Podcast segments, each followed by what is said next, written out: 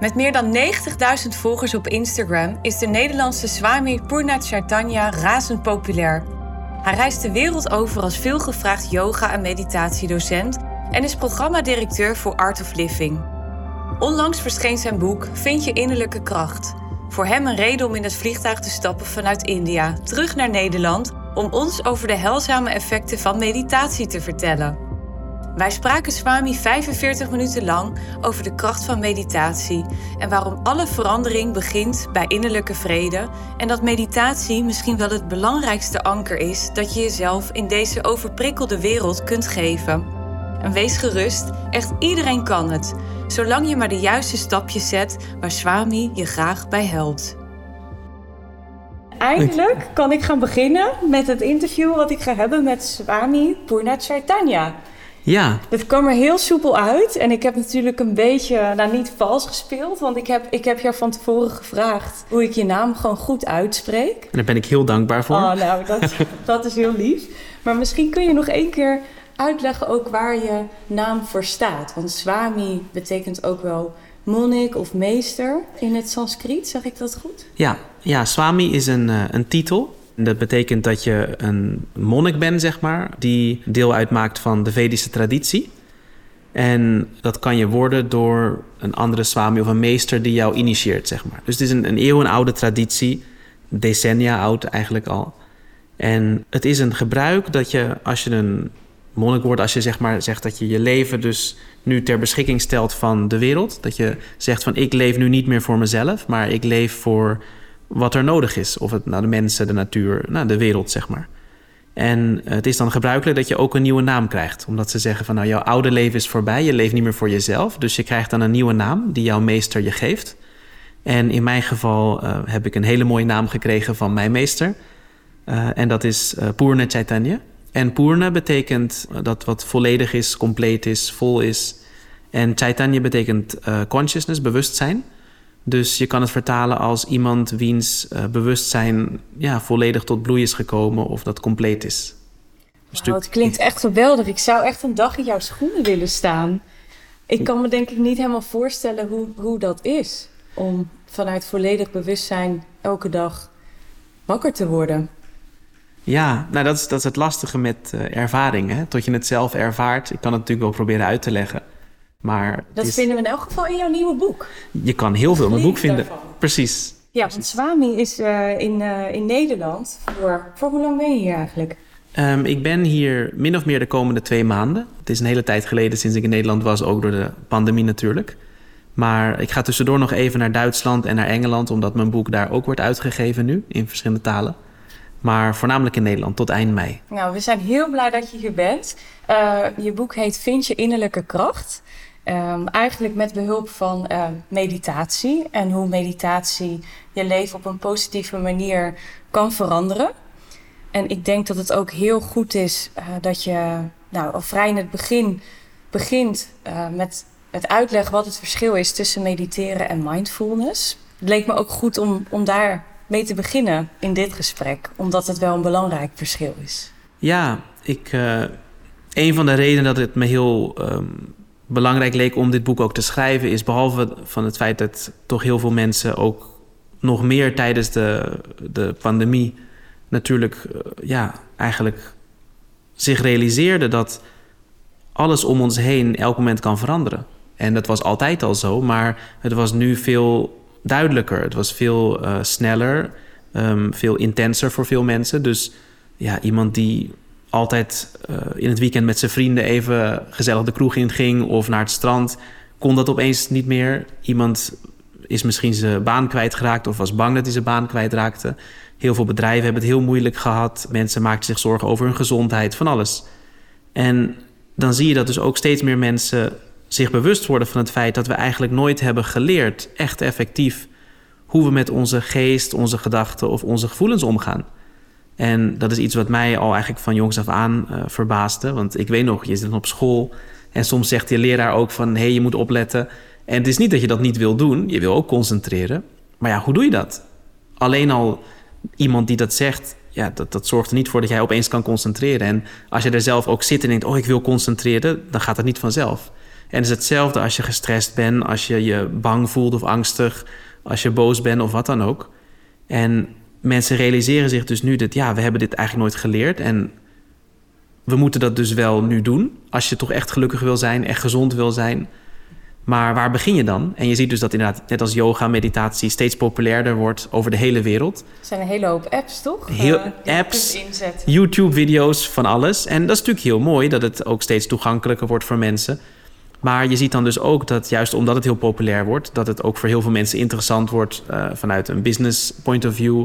En ook heel veel mensen die misschien oprecht er iets mee willen, maar die misschien niet ja, toegang hebben tot echt die, die eeuwenoude traditie of een echte meester of iemand die je dat echt uh, ja, vanuit die wijde kennis en die hele wetenschap die erachter zit, ook je dat kan leren. Want je kan wel een boekje lezen en zeggen van nou oké, ik ga ook wat doen.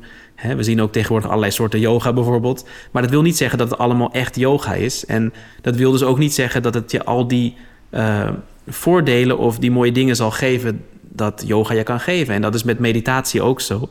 En zoals je al zei, tegenwoordig zien we ook dat vaak mindfulness en meditatie eigenlijk eh, een beetje hetzelfde zijn geworden. In de zin van mensen gebruiken allebei de woorden. Soms noem je het mindfulness, soms noem je het meditatie, maar het is min of meer hetzelfde. En vaak is mindfulness nog beter, want het, het klinkt wat seculierer of het is wat, uh, ja, wat, wat moderner. Minder of stoffig. Minder stoffen, ja, precies. Hè? Dus, en dat zien we ook bijvoorbeeld met bedrijven, dat ze dan liever hebben dat je het mindfulness noemt dan meditatie bijvoorbeeld. Maar technisch, als je er echt naar kijkt, ook hoe deze technieken zijn ontwikkeld, waar het vandaan komt, zijn het niet hetzelfde. Dus mindfulness is, uh, zien we, komt meer uit de, toch de boeddhistische stroom, maar dat uiteindelijk ook weer natuurlijk uit het hindoeïsme. Boeddha was ook een, een hindoe, om het maar even zo te zeggen. Mhm. Dus het komt van die yogische tradities.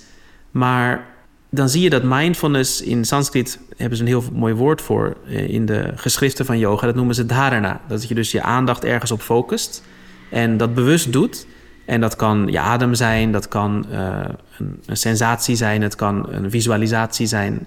Maar bewust je aandacht ergens op focussen. En dat is natuurlijk al een hele verbetering vaak. Want ja, onze mind is all over the place. We zijn met van alles bezig en je hebt allerlei soorten gedachten. Dus een tijdje echt ergens bij stilstaan en in het, in het nu komen, heeft al heel veel voordelen. Dat is heel goed. Maar meditatie is nog weer een stapje verder. En dat noemen ze dan bijvoorbeeld uh, in sommige geschriften dhyana. Dus dharana is dat we kunnen zeggen mindfulness. En dhyana is dan de meditatie. En het doel is dus dat je op een gegeven moment, wanneer je geest helemaal tot rust komt en helemaal ja, bij elkaar is gekomen, zeg maar, in het nu, dat je dan ook aan je geest voorbij gaat. En dat is dus een heel andere dimensie, waar je dus voorbij je rationele, je denkende geest gaat en je eigenlijk dus ja, terugkeert naar jouw bron, naar jouw ware natuur, wat nog subtieler is dan onze geest, onze gedachten. En dan zie je dus ook dat je bijvoorbeeld um, een heel andere kwaliteit van bewustzijn kan ervaren. Je laat veel meer op. Je geest komt ook echt tot rust. Want je bent nu niet meer actief met je geest bezig. Dus mindfulness is een verbetering, maar je bent nog steeds actief en bewust iets aan het doen. En meditatie is dan die volgende stap waar je loslaat. En ja, dan heb je dus die, ja, die staat, of je het nou leegte wil noemen, of, of volheid, of je kan er allerlei namen aangeven. Maar dat is dus een heel andere kwaliteit van uh, zijn. En dat brengt dus ook nog heel veel meer uh, ja, voordelen met zich mee. En kun je dan zeggen dat je het ik overstijgt en één wordt met ja, wat we het collectieve noemen bijvoorbeeld? Ja, want dat is, dat is de, een van die stapjes die je dan maakt. Dat je dus even helemaal ja, loslaat. Dus ook jezelf, je eigen identiteit. En dat is het mooie ook, want als we kijken naar hoe we normaal in het leven staan, hoe je hè, jezelf ziet, je omgeving ziet, al die dingen kunnen veranderen. Je lichaam verandert, of je het nou leuk vindt of niet. Hè? Je wordt ouder, um, je, je gedachten veranderen, je voorkeuren veranderen. Wat je goed en niet goed vindt of waar je naar streeft verandert ook. Hoe je jezelf ziet, hoe je wil dat anderen je zien. Dus heel veel aspecten van ons leven veranderen eigenlijk voortdurend. Sommige sneller, sommige wat langzamer. En dat is ook soms een beetje eng of ongemakkelijk, want soms wil je niet dat het verandert. Dus je probeert er dan aan vast te houden. Maar het moment dat je dus uh, ja, toch echt leert mediteren en meer dus bewust in contact komt met dat deel van jezelf wat dit alles overstijgt en wat niet verandert, die wat eigenlijk constant is, dan geeft dat je dus een heel diepere kracht eigenlijk en ook rust, omdat je inderdaad bewust ervaart dat, oh, maar er is ook een deel van mij wat niet verandert. Ondanks wat er om me heen gebeurt of ondanks wat er misschien nog gaat gebeuren.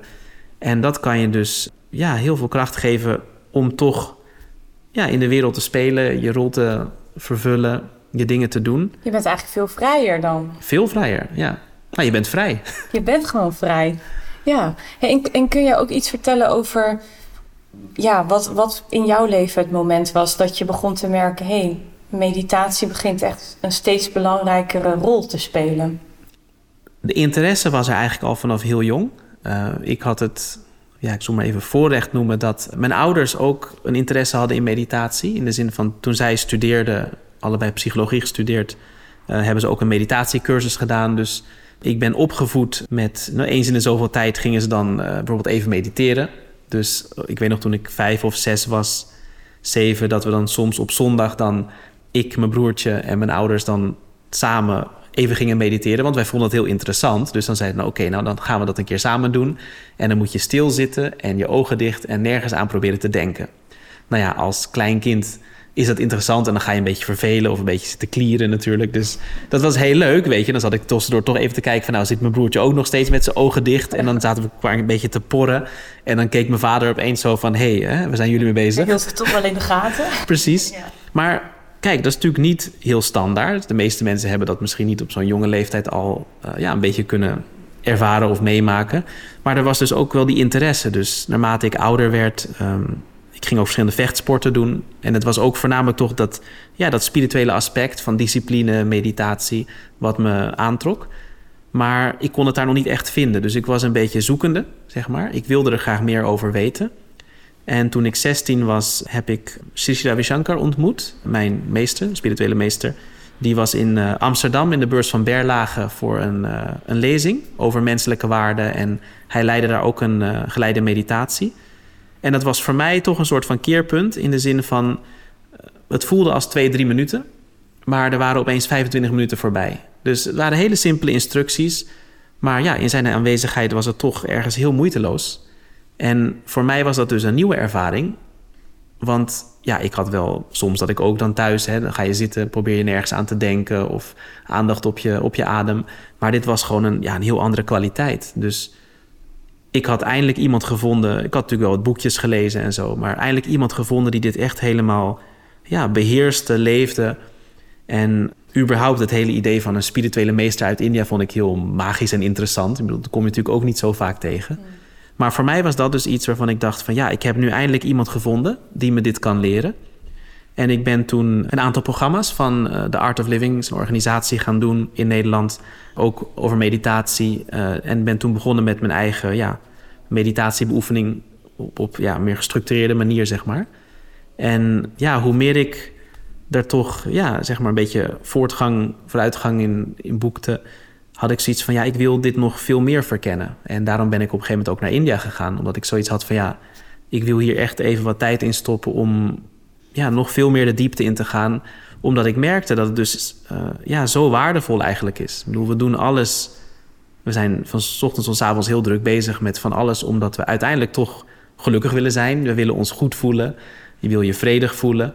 En ik begon me te realiseren dat als, als je hier aandacht aan besteedt, dan het is een soort van shortcut. Want je kan allerlei dingen doen, maar er is geen garantie dat je echt gelukkig zal zijn. Soms voel je even goed en dan weer wat minder.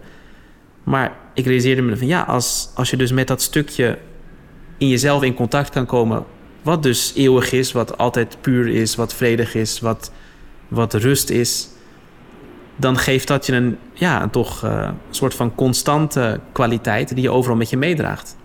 Mooi gezegd. En dat noem je ook wel de diamant, toch? Waar soms wat modder omheen kan zitten, maar waar Precies. meditatie wel weer een tool voor is om daar weer mee in verbinding. Ja, dus dat is het mooie. Iedereen, ieder van ons draagt die kwaliteit in zich. Dus het is ook niet dat het maar voor een paar mensen is of dat je er echt aan moet werken. Eh, dat is juist het mooie. Het, het is iets wat er al is. En het is alleen een kwestie dus van hoe kom je daar weer mee in contact? Hoe ervaar je dat bewust? Ja, ik ben persoonlijk dan best wel benieuwd naar wat, wat het verschil bijvoorbeeld is tussen de rol die meditatie daarin kan spelen om weer contact te krijgen met dat deel van jezelf. En ehm, wat bijvoorbeeld ook therapie doet. Is het complementair aan elkaar of hoe, hoe zie jij dat? Uh, nou, kijk, therapie, je hebt natuurlijk allerlei soorten therapie. dus het is ook. Ja, dus dat is natuurlijk een beetje lastig om, om uh, een specifiek antwoord te geven op een vraag die wat breder is. Maar. Nou, laten we het hebben over gewoon cognitieve gesprekken met een psycholoog, die ook jou wel heel veel inzichten kunnen geven en helpen met verbanden te leggen. Maar eigenlijk vanuit, denk ik, als je het hebt over meditatie en contact maken met die bron, wil je juist dat allemaal loslaten. Al die verbanden en die mogelijke ja. verhalen die je jezelf. Ja, precies. Want kijk, uiteindelijk, uh, moment dat je toch nog steeds in hè, die beperkte identiteit zit, moment dat je nog steeds uh, bezig bent met ja, je geest, uh, je likes en dislikes, alle ideeën, rollen, patronen die je hebt, dan ga je daar dus nog niet aan voorbij. En dit is dus juist iets wat daar nog voorbij ligt. En dat kan je alleen echt zo bewust ervaren als je dat dus even ontstijgt. En dat kan dus niet als je dus gewoon nog ja, met iemand in gesprek bent en helemaal uh, je nog in die rol zit, zeg maar. Dus dat wil niet zeggen dat, uh, dat therapie of inzichten of kennis niet belangrijk zijn. Want uh, hè, ook in de, in de yogische tradities, in de Vedische tradities, was kennis en uh, swadhyaya heet het dan self-study. Dus jezelf observeren, over nadenken, dat toepassen in je leven was ook heel belangrijk. Dus het gaat hand in hand. Maar het is geen, uh, je kan het niet zeggen van nou we doen alleen dat. Het is zeg maar, kijk als jij mediteert, geeft dat je een een bepaalde kwaliteit van ervaring en ook van rust die je alleen dan ervaart. Je kan, zeg maar, je kan zeggen van nou, ik wil ontspannen en ik ga lekker op het strand wandelen of muziekje luisteren of uh, wat lekkers eten of wat dan ook. Maar dat is niet dezelfde kwaliteit rust die je krijgt als wanneer je slaapt. Dus hoe leuk je het ook hebt, je moet op een gegeven moment toch naar bed.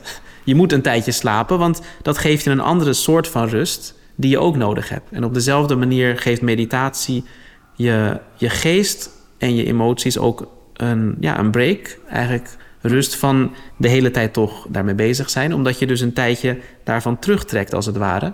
En dan kan je geest dus ook helemaal ontspannen. En dan zie je dus ook dat zonder daar bewust op te focussen. Hè, in therapie kan je zeggen van nou, we focussen op dit trauma of dit probleem of die angst of nou, wat dan ook. Mhm.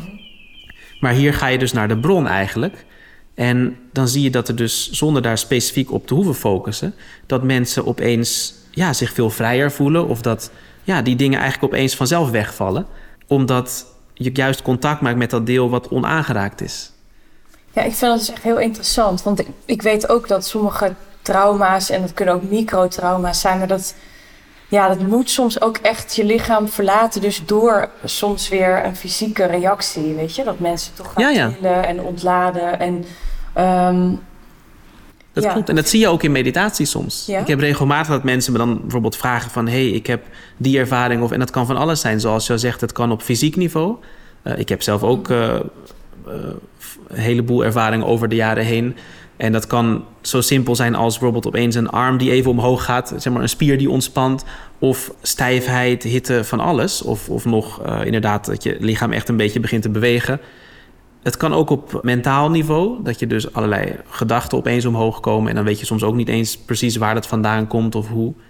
Uh, of op emotioneel niveau ook, dat ook opeens emoties omhoog komen en dan weet je niet precies waarom ik me opeens zo, zo gelukkig voel, of opeens iemand begint te huilen, of uh, je wordt boos. Althans, je wordt niet boos, maar je voelt zeg maar die woede opkomen. En dan weet je niet precies waar het vandaan komt. Maar het is een soort van, ja, je bent aan het schoonmaken, zeg maar. En ik heb ook gezien, als we dus bijvoorbeeld soms met mensen werken die echt heel veel trauma's hebben. Bijvoorbeeld, hè, of het nou gevangenen zijn, gevangenis, of uh, militanten ergens, of mensen die allerlei hele moeilijke dingen hebben meegemaakt, zoals een overstroming of een aardbeving of nou, wat dan ook, in oorlogsgebieden. En dan zie je dat een simpele aanpak van de ademhalingstechnieken en de meditatie soms zoveel voor ze kan doen. Bijvoorbeeld met de tsunami zagen we dat. Dat heb ik ook een beetje nog in mijn boek gezet. Dat mensen kregen al heel snel alle materiële ja, hulp die ze nodig hadden. Dus medicijnen, voedsel, onderdak. Maar mensen konden helemaal niet slapen of eten, want die waren zo getraumatiseerd. En na een aantal sessies van uh, de ademhalingstechniek en de meditatie begonnen mensen dus weer ja, te ontspannen. En mensen konden weer een beetje glimlachen en konden weer hun eten verteren. Of, uh, of gewoon s'nachts in slaap vallen. En dan zie je dus, dan heb je helemaal niet specifiek het daarover gehad of zo. Maar het is dan dat je een stapje terug doet. En dat je ja, weer verbindt met dat deel van jezelf wat, wat onaangeraakt is. Waardoor ook je zenuwstelsel daar weer op Ja, helemaal oplaat. En, ja. ja. Ja, mooi.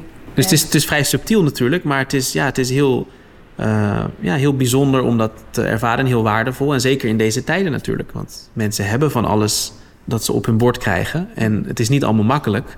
Maar ja, hoe ga je er dan mee om? Ja, en daarbij kan meditatie natuurlijk ja. Uh, ja heel veel uitkomst bieden. Hey, en um, wat had even kijken hoor. Ik had net, je was aan het vertellen, terwijl ik de hele tijd een, een vraag ook nog in mijn hoofd. Ik was ook wel benieuwd wat, wat jouw persoonlijke definitie van uh, geluk is. Ja, dat is een goede vraag. Ja, ja het was uh, ook even stil. Ja, want kijk, zoals je al zegt, is het natuurlijk dan persoonlijk. Maar mijn ervaring is dat je eigenlijk niks nodig hebt om echt gelukkig te zijn. Dus die staat van geluk en dat echt dat blijvende, dat, dat diepe, dat ware geluk, dat is er eigenlijk al. Dat is je natuur. Als we weer terugkomen bij die, hè, die diamant. Je bent als een diamant, dus je kan wel in de modder liggen. Maar hoe lang je ook in die modder ligt, je bent nog steeds een diamant. Dus het moment dat je die diamant weer schoonmaakt, wast, dan is hij er weer. Dus op dezelfde manier heb je eigenlijk niks nodig om gelukkig te zijn. Je hebt iets nodig om ongelukkig te zijn. En ik zeg dat soms tegen mensen als je bijvoorbeeld kijkt. Soms dan voel je heel goed, je bent wakker geworden, je voelt je lekker. En iemand vraagt misschien ook van nou, waarom ben je zo blij vandaag? Het is heel lastig om dat echt te zeggen van nou, dat was door dit of door dat. Je voelt je gewoon goed. Maar als iemand zich niet goed voelt en je vraagt van oh, waarom voel je niet goed? krijg je vaak een heel verhaal. Ja, want dit is gebeurd en die zei dat of dit is niet goed gegaan.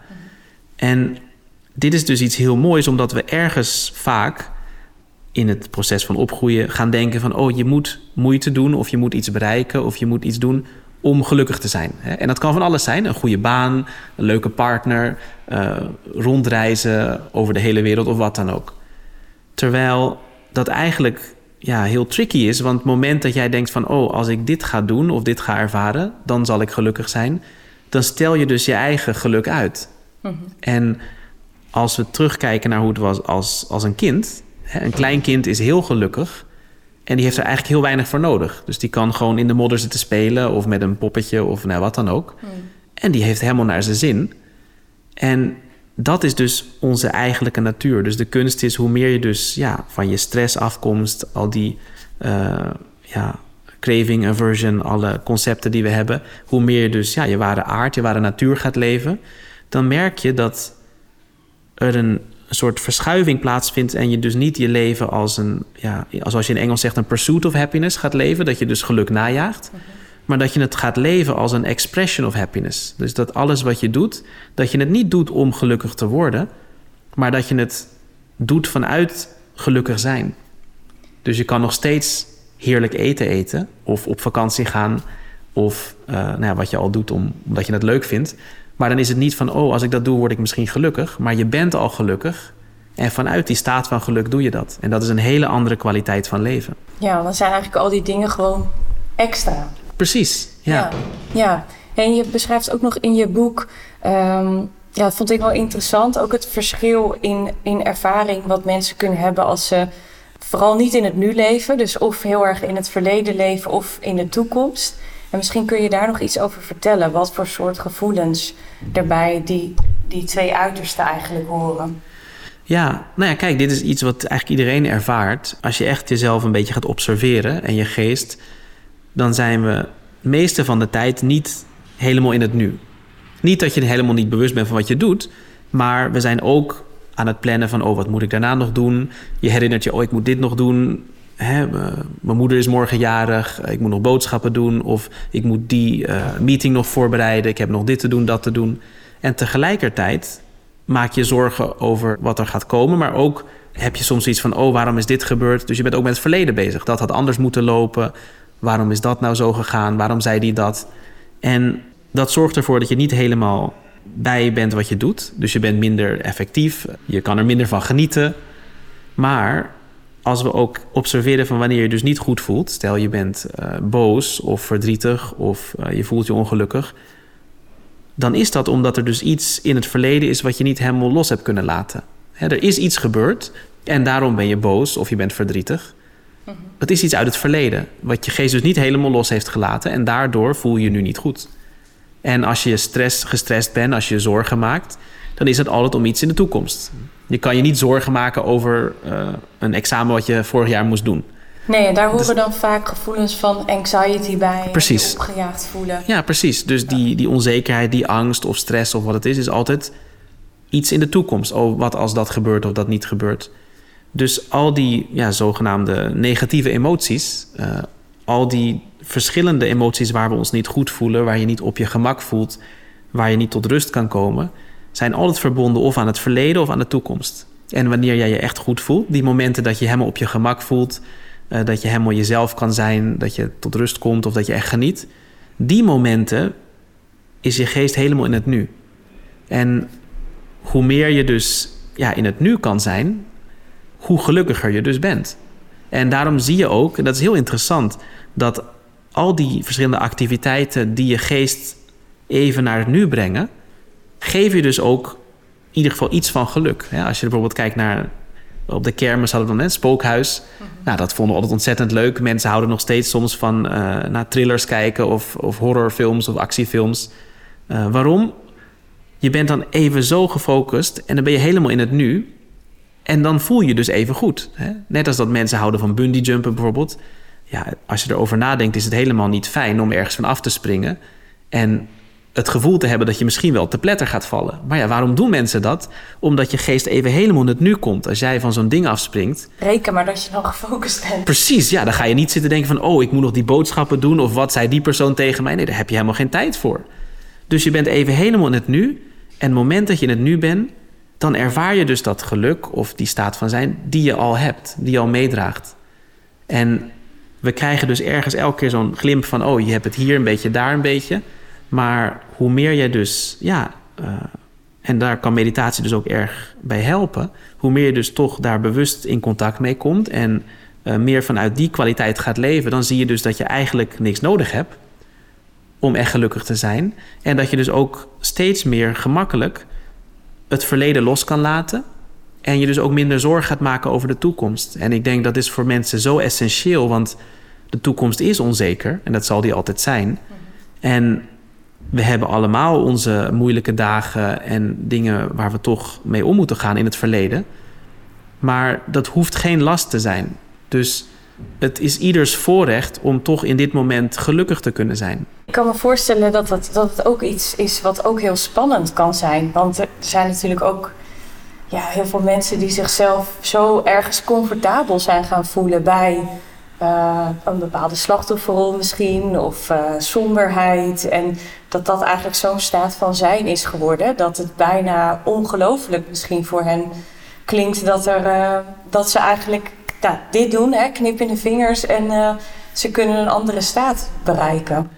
Ja, nou ja, kijk, het, het, het vergt soms natuurlijk ook wel iets van oefening. In de zin van als jij nooit echt exercise hebt gedaan en je moet wat kilo's afvallen, ja, dan is één dag in de sportschool misschien niet genoeg. Maar je kan er wel naartoe werken. En je merkt ook, als je dat inderdaad een tijdje doet, van oh, er is een heel verschil. En dat is hetzelfde met dit. En het is natuurlijk lastig, zoals je zegt, om soms. En niet uh, iemand wil, zeg maar. Nee, precies. En, en, dat is ook ergens oké. Ik bedoel, ik gun het iedereen. En ik kom genoeg mensen tegen die misschien niet zo gelukkig zijn als ze kunnen zijn. Of uh, ja, uh, door wat ik ze toewens. Maar ja, iedereen heeft zijn eigen vrije wil natuurlijk. Maar je hebt toch ook heel veel mensen die er tussenin zitten, die, die zich bewust zijn van het feit dat, oh, ik voel me niet zoals ik me zou willen voelen, of ik ben niet helemaal waar ik wil zijn in mijn leven. Maar ze weten niet hoe ze daar wat aan kunnen doen. En ik denk het is een hele bijzondere tijd waar we in leven, waar steeds meer mensen zich daar wel bewust van aan het worden zijn. En het is helemaal niet zo dat ik zeg, oh, iedereen zou moeten mediteren. Ja, ik gun het iedereen om zich helemaal geweldig te voelen. Maar dat is aan mensen. Maar uh, ja, een van de redenen waarom ik ook dat boek schreef, Ondanks los van het feit dat ik natuurlijk al allerlei programma's geef en hele. Want je bent programmadirecteur, toch? Bij uh, binnen Art of Living. Ja, dus ik overzie veel van onze activiteiten tegenwoordig in Afrika bijvoorbeeld. Maar ja, er zijn zoveel mensen die naar iets op zoek zijn. En ik heb zoiets van ja, ik wil wel dat zoveel mogelijk mensen weten dat er dus ja, iets als dit beschikbaar is. En dat het voor iedereen is. Dat, het niet, dat je niet zegt van oh, ik moet ook monnik worden of ik moet alles achterlaten of naar India of de bergen in. Het is heel toegankelijk, uh, heel praktisch. Maar tegelijkertijd, ja, het maakt zo'n verschil in de kwaliteit van je leven. Kun jij daar nog iets over zeggen? Wat, wat heb je zien gebeuren bij mensen die begonnen met mediteren? Ja, nou, ik heb echt uh, heel veel verhalen. Maar bijvoorbeeld om een een beetje meer extreem geval te noemen, bijvoorbeeld, is. Um, werken ook met mensen, met gevangenen soms in de gevangenis. En dan heb je echt mensen die hele traumatische achtergrond hebben, die soms ook de meest vreselijke dingen hebben gedaan. En ja, in een gevangenis is daar niet echt een systeem voor om daarvan af te komen. Je haalt mensen een tijdje uit de samenleving. Je probeert ze uh, te conditioneren dat ze dat misschien niet gaan doen weer. Maar ja, heel veel mensen voelen zich ook, uh, dat is mijn ervaring, ook mensen met wie ik heb gewerkt, die zitten ook in een soort van ja, slachtoffer of traumatische rol. Want de meeste mensen die echt iets ergs hebben gedaan, doen dat niet bewust. Het is niet dat ze één dag wakker worden en denken: oh, ik ga iemand vermoorden, bijvoorbeeld. Maar ze zijn op een punt gekomen waar ze misschien zo gestrest of boos of angstig of wat dan ook waren, dat dat is gebeurd. En dat is dus ergens vaak ook op onbewust niveau heel eng voor hun. Want dat betekent, omdat je toen niet helemaal in controle van jezelf was, dat het dus ook weer kan gebeuren. Mhm. Dus ondanks dat jij zegt van nou, ik ga dit nooit meer doen. Ja, maar wat als mijn emoties weer mij de baas worden? Want dat hebben we nooit geleerd. Hoe ga je daarmee om? En we hebben echt mensen gehad die bijvoorbeeld in de gevangenis ook naar zo'n programma dan opstonden en zeggen van ja, ik kan nu echt zeggen dat ik dit niet meer zal doen of nooit meer zal doen, omdat ik nu eindelijk de tools heb om met mijn emoties en mijn geest om te gaan. En het is zo bijzonder om te zien dat mensen ook soms na de meest traumatische ervaringen toch weer na een tijd van dit beoefenen kunnen glimlachen en dan ook gewoon echt iets heel moois gaan doen. We hebben mensen die dus nu dan, nadat ze dus weer eh, de gevangenis uitkwamen, uh, zoveel doen voor de samenleving. Dat ze een schooltje zijn gaan runnen voor, voor kinderen in een dorp waar nog geen school was of nou, noem maar wat. Dat is heel bijzonder om die transformatie te zien. En uh, ja, op, op, in andere situaties zien we dat ook. Mensen die uh, soms al jaren zoveel moeite hadden, of het nou in hun relaties was of gewoon met zichzelf. En die dan, als je die dan weer wat later ziet, en die gewoon echt met tranen in de ogen naar je toe komen en zeggen van ja, ik heb hier zoveel aan gehad. En uh, nou, ik denk het is ook wel een teken dat, dat dit zo, ja, zo mooi werkt. Want de hele Art of Living organisatie is gebaseerd op vrijwilligers. Dus over de laatste 40 jaar. We hebben nu uh, miljoenen mensen over de hele wereld die deze programma's hebben gedaan, honderdduizenden vrijwilligers. En het zijn allemaal mensen ja, die toch iets ervaren en die zeggen van ja, dit is zo mooi, dat wil ik delen. En ja, zo is dat gegroeid. En het is natuurlijk voor mij ook heel mooi om te zien waar ik ook reis. Dat mensen doen een programma die ervaren wat het voor ze doet. En die zeggen, oh, ik wil ook in mijn eigen, op mijn eigen manier, hoe het ook kan, iets bijdragen. Of het nou is hè, dat ik ook een een groepje bij elkaar breng om dat te organiseren. Of op een andere manier wat bijdragen. Of je kan een paar dagen bij mij logeren. Of ik heb een, een ruimte waar je een cursus kan geven. Of ik noem maar wat. Maar dat is toch heel, uh, ja, heel mooi. Het is een hele positieve... Verbindende kracht, hè? Ja, precies. Ja. Hey, laten we het nog heel even ook over je boek hebben. Want meditatie staat daarin uiteraard centraal. Um, is het boek voor beginners of gevorderden? Ik heb het geschreven um, voornamelijk ook uh, één om mensen te introduceren. Als ze dus met meditatie willen beginnen. Maar zoals je al zei, we hebben zoveel apps. Uh, er is van alles op YouTube. Maar ja, ja is dat nou een aanrader of niet? Daar was ik ook wel benieuwd naar. Ja, nou ja, kijk. Je kan natuurlijk niet in één keer alles over dezelfde uh, ja, ja dezelfde. van alles. Dat ik ja, soms ook denk, oh, er is zoveel, nou, laat maar dan. Ja, en heel veel dingen zijn dus ook, ja, om het toch maar even gewoon heel direct te zeggen, zijn niet echt uh, meditatie. Dus je hebt dan bijvoorbeeld een paar minuten met wat uh, zeegeluiden of een mooi muziekje. En dat is heel ontspannend. Dus het wil niet zeggen dat je er niks aan hebt. Maar dat je maar, je diamanten mee oppoetst. Ja, precies. Maar je, je gaat dan niet voorbij je eigen geest en je hebt niet zo'n ervaring. En daarom zeg ik ook vaak tegen mensen niet alleen voor meditatie, ook voor yoga, dat als je daar echt serieus iets mee wil doen, dan is het toch heel goed om in ieder geval in het begin toch uh, ja, iemand te hebben die je kan begeleiden, die ja, echt een, daar een meester in is of een, echt een goede leraar. Omdat ja, zo'n video of zo'n app, die kan jouw vragen niet echt beantwoorden en die kan je ook niet begeleiden. Dus je denkt misschien dat je het goed doet. Ik heb het ook soms gehad met mensen die dan ademhalingstechnieken ergens online hebben geleerd. Maar dat wil niet zeggen dat ze het altijd goed doen. En als je het niet goed doet, ja, dan heb je soms niet alle voordelen en soms zijn er ook nadelen. En meditatie is nog subtieler. Dus als je zegt van ja, ik wil leren hoe ik toch met mijn geest omga, mijn geest voorbij gaat. Dus ik heb in mijn boek uh, natuurlijk nou, uh, stapje bij stapje in elk hoofdstuk verschillende aspecten belicht. En ook met een praktische oefening, hè, wat, wat leuke verhalen. Zodat mensen een idee krijgen van oké, wat, wat is meditatie? Wat kan het voor me doen? Hoe, ga ik, hoe werkt mijn geest? Hè? Hoe krijg ik daar meer inzicht in? Hoe krijg ik meer inzicht in wat ik nou echt wil in mijn leven of wat niet? En ik heb dat niet uh, gezegd van oké, er is maar één manier van mediteren, want er zijn verschillende technieken, verschillende scholen. En dat is prima. Maar er zijn bepaalde principes die voor iedereen gelden. Dus nou, wat is meditatie? Dus je krijgt dan ook een beetje een idee van, oh, ga ik de goede kant op? Ben ik op het juiste pad? Um, het kan mensen heel veel inzicht bieden. En tegelijkertijd is het ook een boek waarin ik toch ook inzichten heb gedeeld die ik zelf heb opgedaan over de laatste twintig jaar, die ik van mijn meester heb geleerd, of die ik tijdens het, ja, het delen van meditatie met mensen of mijn eigen beoefening heb geleerd, uh, die toch waardevol zijn, ook voor mensen die al mediteren omdat het ze toch kan helpen om misschien nog iets dieper te gaan, wat verdieping te vinden of wat regelmatiger uh, te oefenen met de meditatie. Dus ik krijg nog regelmatig berichten ook van mensen die misschien al 10, 20 jaar mediteren, maar die er toch ook heel veel aan hebben gehad. En dat is natuurlijk heel mooi dat het op die manier eigenlijk voor iedereen is. Ja, ik hoor het al. Er is echt duidelijk een stukje kwaliteit in de af en toe grote puinhopen van wat we tegenwoordig op Instagram vinden. Um, ja, Swami, heel erg bedankt ook voor dit gesprek. En dat je nou, überhaupt de moeite hebt genomen om in het vliegtuig te springen en uh, ja, naar Nederland te komen. hey, ik heb nog één vraag. Ja. Um, maak jij je nog wel eens ergens echt druk om? Um, nou, druk maken is misschien een groot woord. Maar wat echt een uitdaging is... Uh, één is toch de tijd. Uh, want ja, ik heb ook maar 24 uur. En, 80.000, nee, bijna 90.000 volgers op, op Instagram. Ik kan ja. me voorstellen dat jij heel veel DM'tjes krijgt. Ja, precies. En dan hebben we nog Facebook, LinkedIn, Twitter, ja. YouTube. Of een ja. kantoor die dit allemaal managt. Nou, ik heb wel een team, uh, die ben ik ook een beetje aan het trainen. Dus hoe we dat toch meer... Maar ik, de berichtjes doe ik toch uh, zelf. Uh, dat is een uitdaging. Maar ook gewoon persoonlijk, weet je. Je hebt mensen die willen je ontmoeten. ik ben dan nu een paar weken in Nederland... Uh, we hebben wat interviews, podcasts, dit en dat, wat programma's. Maar tussendoor wil ik natuurlijk toch ook graag een keer even familie zien, want die hebben me ook heel erg gemist.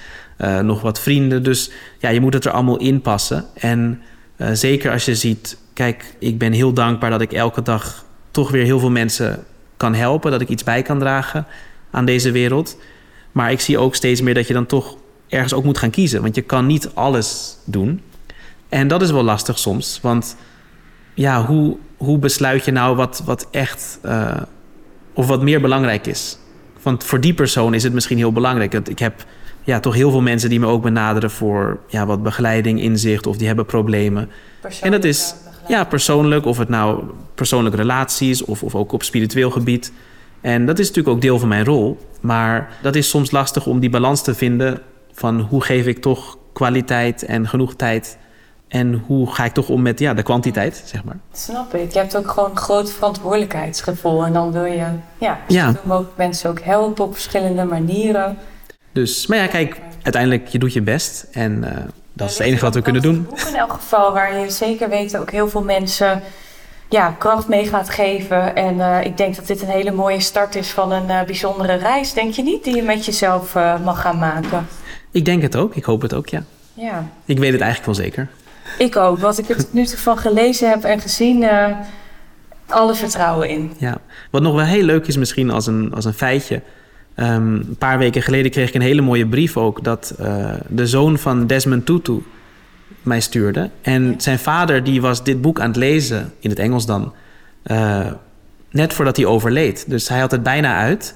En zijn zoon stuurde mij een uh, prachtige brief dat, uh, dat het hem heel veel rust gaf. En toen hij op een gegeven moment toch heel ziek werd opeens, uh, was dit het enige boek dat hij nog meeneemt, behalve zijn Bijbel, want hij was natuurlijk een aartsbisschop, um, naar het ziekenhuis, of die speciale instelling waar hij dan heen werd gebracht. Dus dat vond ik ook heel ontroerend, want hij was natuurlijk ook iemand, ja, een spiritueel leider, religieus leider, over de hele wereld heel veel gerespecteerd. Um, en ik vond het ergens ook heel ontroerend dat, dat iemand als hij ook überhaupt de moeite nam om het te lezen. Ik had het via iemand naar hem toegestuurd. Maar dat hij dus ook zo waardeerde en dat het hem ook nog ja, toch wat heeft gegeven, ook in die laatste dagen. Dus dat zijn toch dingen, dat had ik nooit kunnen verzinnen. Maar ik ben dan wel heel dankbaar dat ik op die manier toch ook weer wat bij kan dragen ja, aan mensen over de hele wereld. Wat bijzonder zeg. Dat is wel echt een cadeau als je zo'n mail krijgt. Ja. Hey, en als mensen nu denken van, ja, dat boek, dat vind ik ook heel tof, maar ik wil meer van, van jou. Zijn er dan nog cursussen die je geeft? Misschien wel online? Of wat ja. kunnen mensen doen om um, meer met jou te connecten? Nou, ik ben natuurlijk nu nog even in, uh, in Nederland. Dus uh, ik ga tussendoor, zoals ik al zei, nog even ook naar, uh, naar Duitsland en Engeland. Maar in mei um, en eind april, we hebben bijvoorbeeld ook online hebben we nog een masterclass gepland voor mensen die, dat, die wat meer willen proeven, ervaren. En dan ga ik ook nog een aantal programma's geven. In het midden van mei hebben we een, een van de de ja, belangrijke programma's van Art of Living, waar we ook ademhalingstechnieken en meditatie leren. En dat gaan we dan online doen, want ik dacht dat is makkelijker. Mensen over het hele land kunnen dan makkelijk, uh, dat is een paar uur per dag, uh, drie dagen. In Nederland? Ja, in Nederland, tuurlijk. Ja. ja. want nu hebben we de kans. Uh, en ik ga eind mei ook nog een retraite doen voor mensen die echt zoiets hebben van nou, ik kan een paar dagen vrij nemen. En ik wil echt nog wat meer de diepte in. Dus dat wordt een meditatie, stilte retraite um, in een prachtig klooster. Uh, dus al die details hebben dat bijna allemaal rond. Dus dat komt ook op mijn website te staan. Uh, dat kunnen mensen daar vinden of op de website van Art of Living Nederland. Um, dus dat is ook een kans voor mensen als ze echt een paar dagen nog in mijn aanwezigheid daar willen, ja, willen mediteren. Het heeft ook nog uh, één of twee, twee, drie dagen dat we ook in stilte gaan. Dus dat ze ook niks hoeven te zeggen. Een hele mooie locatie. En los daarvan, ja, als ik rondreis, ik heb natuurlijk ook online programma's. En dat is het mooie, zeker dat ja, toch de laatste twee jaar ons heeft gegeven dat we veel meer ook online moesten gaan doen, omdat dat eigenlijk de enige manier was om toch, ja, toch mensen te kunnen helpen en bereiken. Mhm. En dat zal ook nog wel blijven bestaan, los van de, de offline uh, on-site programma's. Dus uh, ja, ik heb een website, mensen kunnen me altijd een berichtje sturen. En ik vind het natuurlijk ontzettend leuk om mensen te ontmoeten. Ik ga misschien nog een paar plekken ook boeken signeren. Dat wordt allemaal nu uh, geregeld. Nou, ja. ik ga je website erbij zetten. En um, je hebt ook voor Holistic nog een hele fijne meditatie opgenomen. Ja. Waarmee je ook uh, je geest kunt ontstijgen. Klinkt echt mooi, maar het is echt ook een hele aardende meditatie van 15 tot 20 minuten. Ja. Ook echt heel lief dat je dat. Uh, nee, dat vond ik heel leuk. En uh, ja, ik doe natuurlijk vaak dingen in het Engels. Um, of in het Hindi dan in, in, in India. Um, dus het was heel leuk om dat ook in het Nederlands te doen. En ik ben ook heel blij met het resultaat. Dus ik denk ook dat mensen er zeker van kunnen genieten. Hmm, absoluut. Hey, heb jij nog iets wat je nog mee wil geven of kwijt wil? Of... We hebben al best wel veel besproken, maar ik heb het idee dat ik uren met jou kan praten. Maar dat hebben waarschijnlijk heel veel mensen. Ja, dus dat, dat, dat maakt het ook soms weer lastig. Ja, we moeten toch een eind aan breien. Ja. Nou, kijk, we hebben allerlei mooie dingen al besproken. Um, en zoals ik al zei, voor mij is toch denk ik het belangrijkste dat ik toch iedereen gun om dit te ervaren. Weet je, want zoals ik al zei, iedereen heeft zijn, zijn, zijn uitdagingen. Niemand heeft het altijd makkelijk. En zeker in deze tijd waar alles heel snel verandert. Um, maar ik gun het iedereen om toch te kunnen ervaren dat er, ja, zoals ik al zei, dat er is een deel van jou wat, wat eeuwig is, wat onaangeraakt is, wat altijd puur en gelukkig is. En dat klinkt misschien heel idyllisch, maar dat kan je zoveel, ja, toch zoveel kracht geven. Want ja, al het al zal toch veranderen. Hè? Zelfs als je heel oud wordt, je gaat toch een keer dood. Hè? Mhm. Doe je niks aan. En op dezelfde manier, uh, de, wereld om ons heen verandert ook. En zoals ik al zei, het mooie is als je dus die innerlijke kracht ook tot je beschikking hebt, dan worden de problemen dus niet zozeer problemen, maar het wordt meer een uitdaging. Dus dan, het leven wordt denk ik rijker. En ja, dus je kan dan echt gaan spelen in de wereld in plaats van dat het uh, ja, een soort van uh, leidensweg is. Ja. En ja, dat, dat gun ik iedereen. En ik ben, ik ben heel dankbaar dat ik dat heb mogen ervaren. En ik ben heel dankbaar voor het leven dat ik mag leven. Mhm. En uh, natuurlijk naar mijn meester dat hij, ja, dat hij al die dingen met mij heeft gedeeld. En dat ik op deze manier ook mag, dienstbaar mag zijn. En ja, ik, ik deel dat dus met zoveel mogelijk mensen. hey, misschien kunnen we hem dan concreet afsluiten. Want wat zou je mensen mee willen geven die nu luisteren en denken van... oh, ik kan niet wachten om te beginnen. Ik ga ook het boek bestellen, uiteraard. Maar toch kan ik vanavond al beginnen met mediteren. En hoe, hoe, wat zou je dan adviseren? Nou ja, we hebben een mooie meditatie opgenomen voor Holistic. Ja. En die is gewoon beschikbaar. Dus dat is misschien heel makkelijk voor mensen in het Nederlands. Uh, een leuk begin, een, een, een, mooie korte geleide meditatie. En uh, zoals je al zei, als mensen echt meer willen, dan heb ik ook programma's die ik dus ga geven in het Nederlands. Dat is een hele mooie kans. We hebben wel afgesproken ook hier dat ik dat dus in ieder geval iets van twee, drie keer per jaar zal doen. Maar het zal wel weer even duren. Dus grijp je kans. Ja, dat is gewoon een hele mooie start, denk ja. ik. Ook om dat met een aantal mensen te doen. Zet je toch ook weer een veld neer. Precies, ja. precies. Ja. Nou, dankjewel. Graag gedaan.